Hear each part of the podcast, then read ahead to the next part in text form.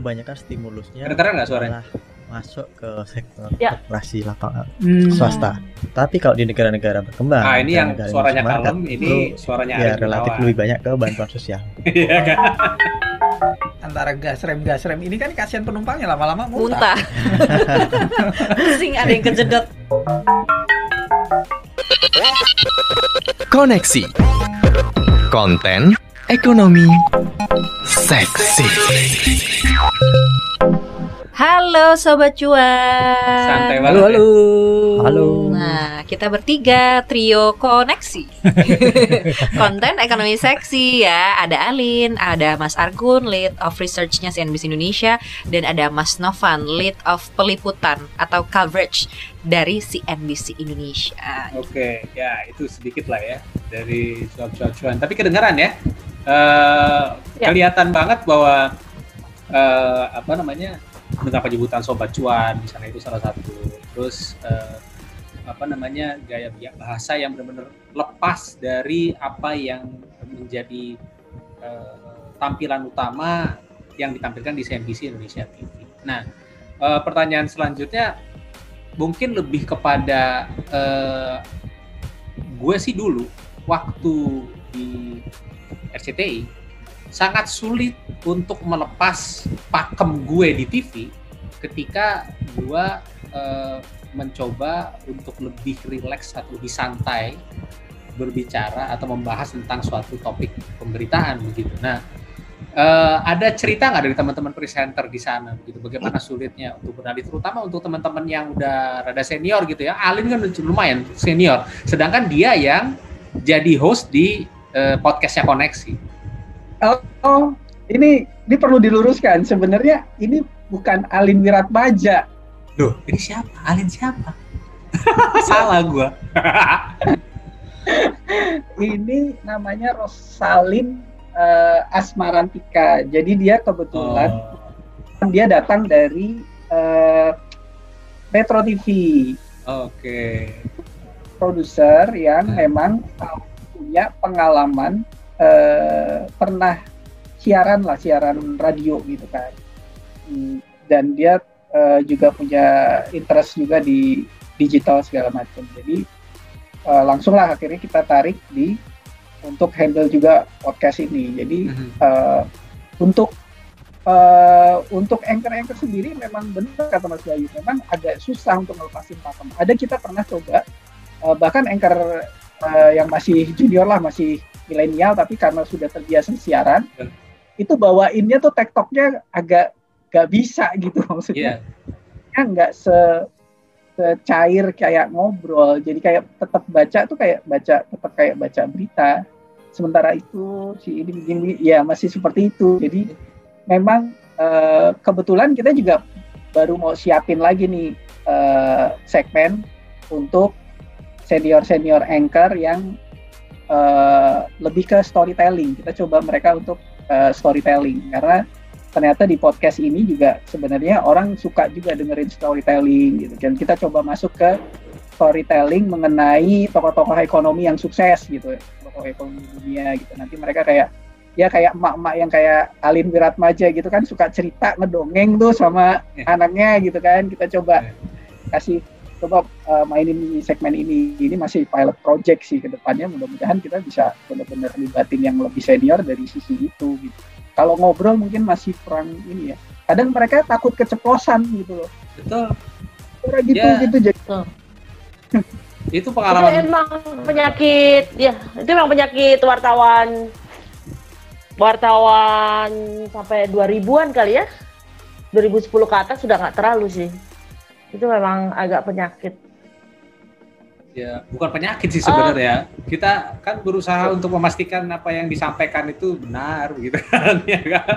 iya Jadi benar hati-hati mungkin bukan penyakit banget. ya cuman itu lebih betul betul betul betul dan untuk keluar dari pakem itu memang ya itu akhirnya jadi jadi akan akan jadi sulit gitu tapi ini memang gini gua gua kemarin eh, terlibat dalam suatu FGD lah ya eh, dalam salah satu universitas jadi di situ perdebatannya adalah kurikulum itu masih eh, memasangkan eh, mata kuliah jurnalisme TV yang kedua jurnalisme radio.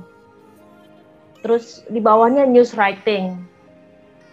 Sampai akhirnya tiba pada perdebatan bahwa kayaknya kalau TV, radio, news writing itu tiga-tiganya itu sudah blending sekarang. Udah nggak bisa lagi bahwa ketika gua ngambil uh, jurusan mata kuliah TV, apakah lo ketika lo situ lo akan menjadi multiguna gitu ya? Apakah lo akan jadi prepare untuk ke apa lo sudah siap untuk terjun ke dunia jurnalisme yang sesungguhnya ketika lo lulusan jurnalisme TV kayak gitu. Sampai akhirnya kita usulkan gimana kalau TV itu dirubah menjadi uh, mata kuliah visual radio itu dirubah menjadi mata kuliah uh, audio, news writing itu nggak tahu ya kemarin itu apa gitu ya. Dan itu uh, pertimbangannya adalah karena ya seperti ini. Ini kan sebenarnya konsep radio ya, Om Carlos ya. Ini adalah yeah. masa lalu kita di awal-awal jadi jurnalis gitu ya. Uh, bagaimana mic itu dipasang di depan mulut, terus kita bicara, uh, gimana caranya suara kita tidak popping gitu ya Terus uh, tapi ternyata masuk ke suatu visual, visual bergerak pula gitu ya, bukan foto gitu ya. Jadi semuanya kan udah ngeblending di sini gitu. Jadi jadi kalau memang mau uh, mencetak lulusan-lulusan yang uh, siap pakai, skill itu memang harus punya semua. Nanti dia akan fokus ke mana ya biarkan alam yang yang menyeleksinya. Kurang lebih seperti itu. Sama karena pada faktanya sekarang ini seperti podcast misalnya itu disebut radio juga bukan gitu ya, tapi disebut materi uh, apa namanya news writing juga harus ada di situ gitu ya, bahwa ada news value yang harus sorry harus bisa diangkat di situ. Jadi ya memang mungkin digital itu memang ngeblending semua, jadi wajar kalau banyak yang berdarah-darah karena kita juga nggak siap gitu ya. Ya itu menarik sih sebenarnya dan emang harus siap ya. Menarik, menarik. Setuju tuh. Jadi multi platform ya. Jadi broadcasters. Multi platform, iya jadi kalau gue sih mungkin freelancer ya, gue nggak bisa lagi uh, menyatakan diri bahwa oh gue reporter TV gitu ya, bahwa gue oh gue anak radio, nggak bisa, nggak bisa lagi gitu bahwa uh, kayak di Sky gitu ya, uh, gue lagi ngerjain podcastnya juga gitu ya. Ya memang tantangan sih gitu itu di dan percayalah itu bukan masalah Indonesia aja itu yang masalah dunia itu di mana-mana gitu bahwa itu multi platform terus di, di bleeding di, di apa ya di engage dalam satu uh, hasil hasilnya gitu ya dirilis dalam satu platform itu memang nggak gampang sih itu butuh penyesuaian diri yang lumayan dalam gitu. Eh, tapi gue pengen pengen tanya nih ke Novan. Gue tuh punya pandangan bahwa setiap platform, setiap medium itu punya uh, bentuk konten yang uh, alamiah terhadap platform tersebut.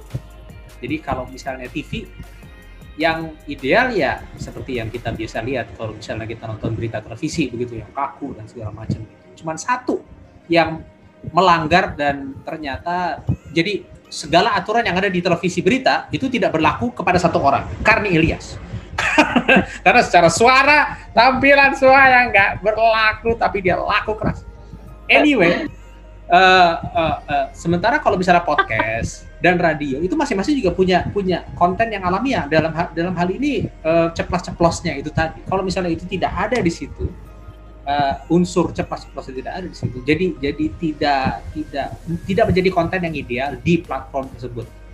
Baik itu podcast maupun radio. Nah benar nggak pemahaman gue seperti itu? Kalau maksudnya gini benar atau tidaknya bisa dilihat dari apakah lu sebagai bagian dari redaksi gitu ya CNBC Indonesia yang memiliki dua platform tadi ada podcast ada CNBC TV lu lu berani nggak narok orang dari podcast kayak Alin Rosalin yang itu tadi ya? Terus ditaruh ditampilin di TV dengan format yang sama. Hmm.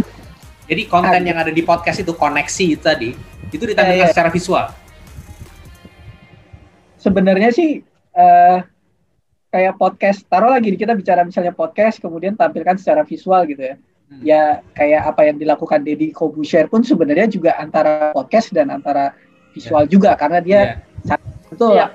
taruh kamera angle TV dan segala macam sebenarnya artinya treatmentnya treatment broadcast gitu ada treatment kamera broadcast di situ tapi juga kemudian dia eh, podcastnya juga hanya direkam dan segala macam.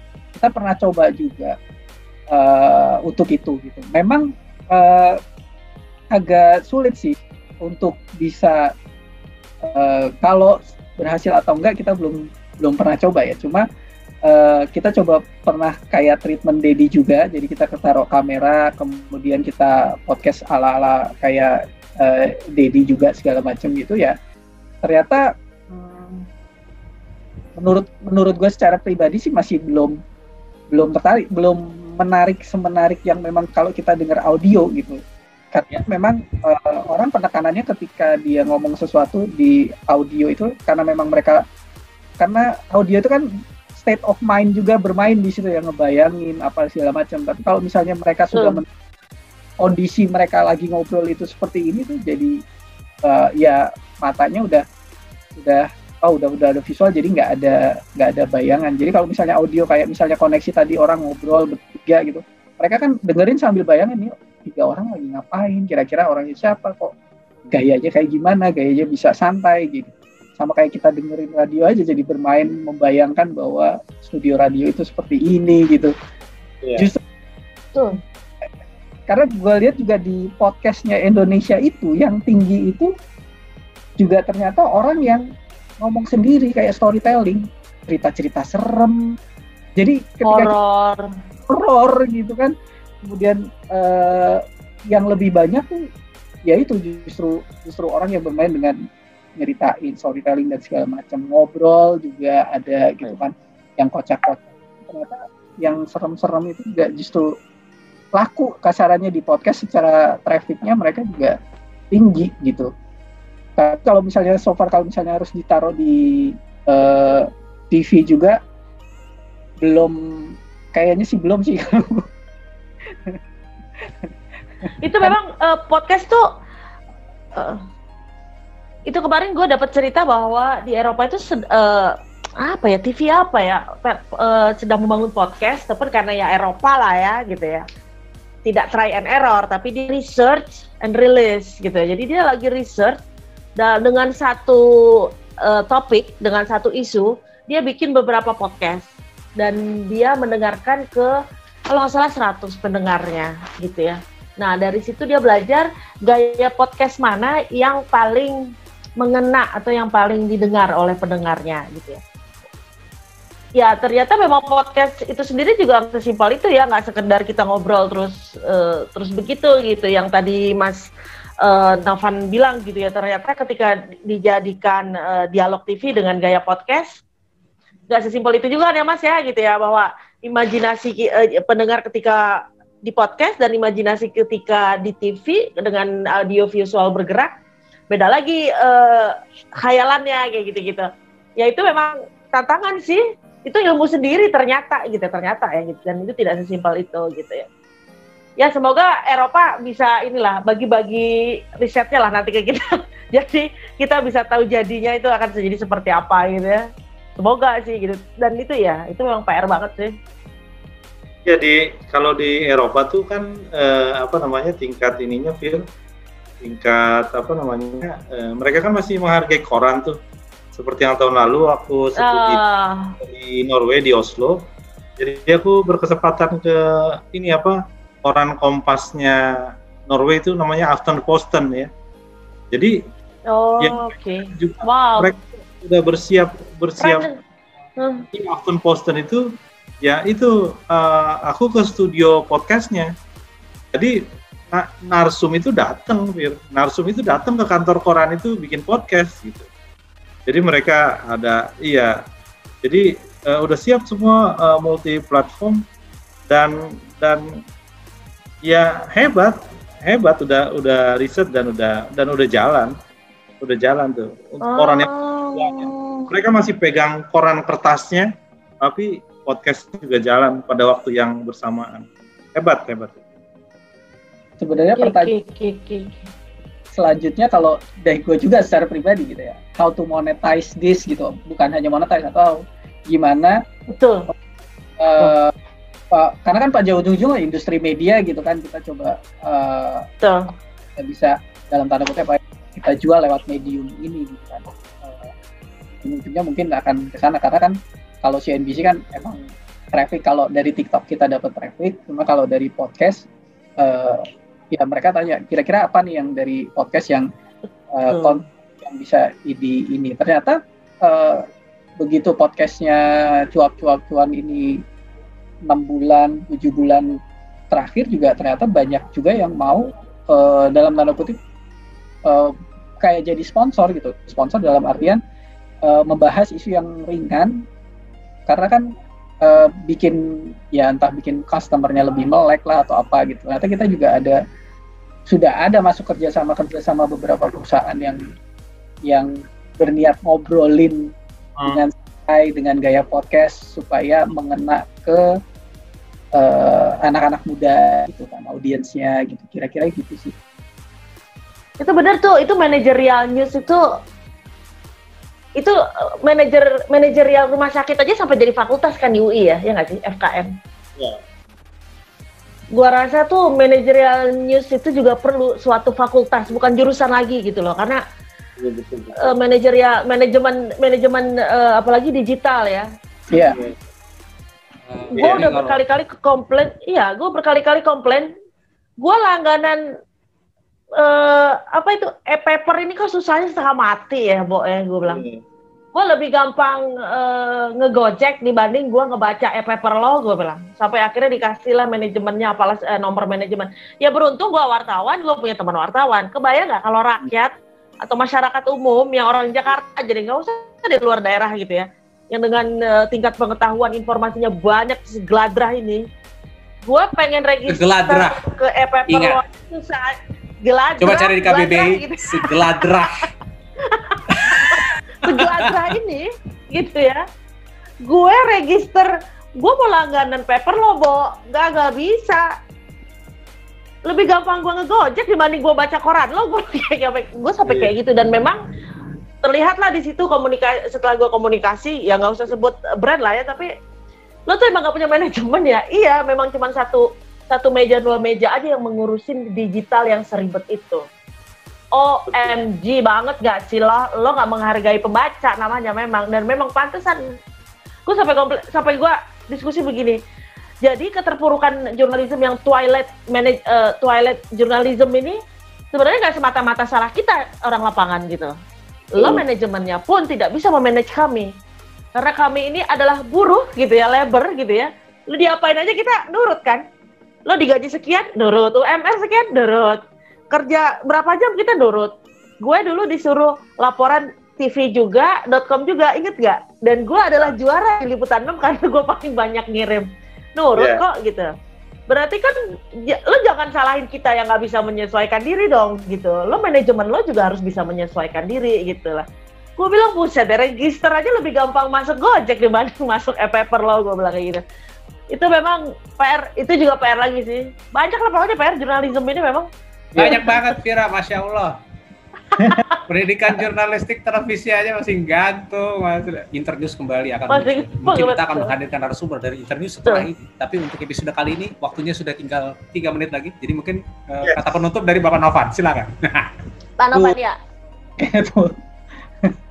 ya eh, intinya sih memang kita sih CNBC sebagai new player gitu kan mencoba mencoba memperkenalkan diri dengan lebih baik dengan memanfaatkan juga digital digital aset yang memang sekarang dekat lebih dekat dengan masyarakat. Artinya eksistensi media pun juga mau tidak mau kita harus mendekatkan diri ke reader dan memperkenalkan kita apa namanya field playing field kita di mana segala macam. Dan ekspektasinya adalah eh, mereka menjadi merasa butuh. Karena kalau kalau misalnya mereka hanya dianggap sebagai eh, objek aja sebagai nih gue bikin berita udah lu nonton dah ya. Tapi kita nggak mencoba educate mereka kenapa mereka harus menonton ini kenapa mereka harus membaca berita ini. Itu yang itu yang mem- memberikan reason bahwa mereka mereka butuh eh, media lu atau mereka butuh gua untuk lu baca gua lu jadi lebih mana gitu kan lebih paling nggak ngerti ekonomi melek ekonomi gitu deh Baik, Pak. Terima kasih atas waktunya Bapak Novan. Eh, dan Terima terakhir saya kasih, ucapkan selamat Novan. ulang tahun buat CNBC Indonesia. Menarik. Bener kan? Udah Yeah, ulang tahun kan? happy birthday. Yeah, CNBC. you. Baiklah, thank you. Sampai ketemu lagi. Dadah. Thank you. Thank you Mas Novan ya. Makasih Mas Novan. Thank you all. Ya.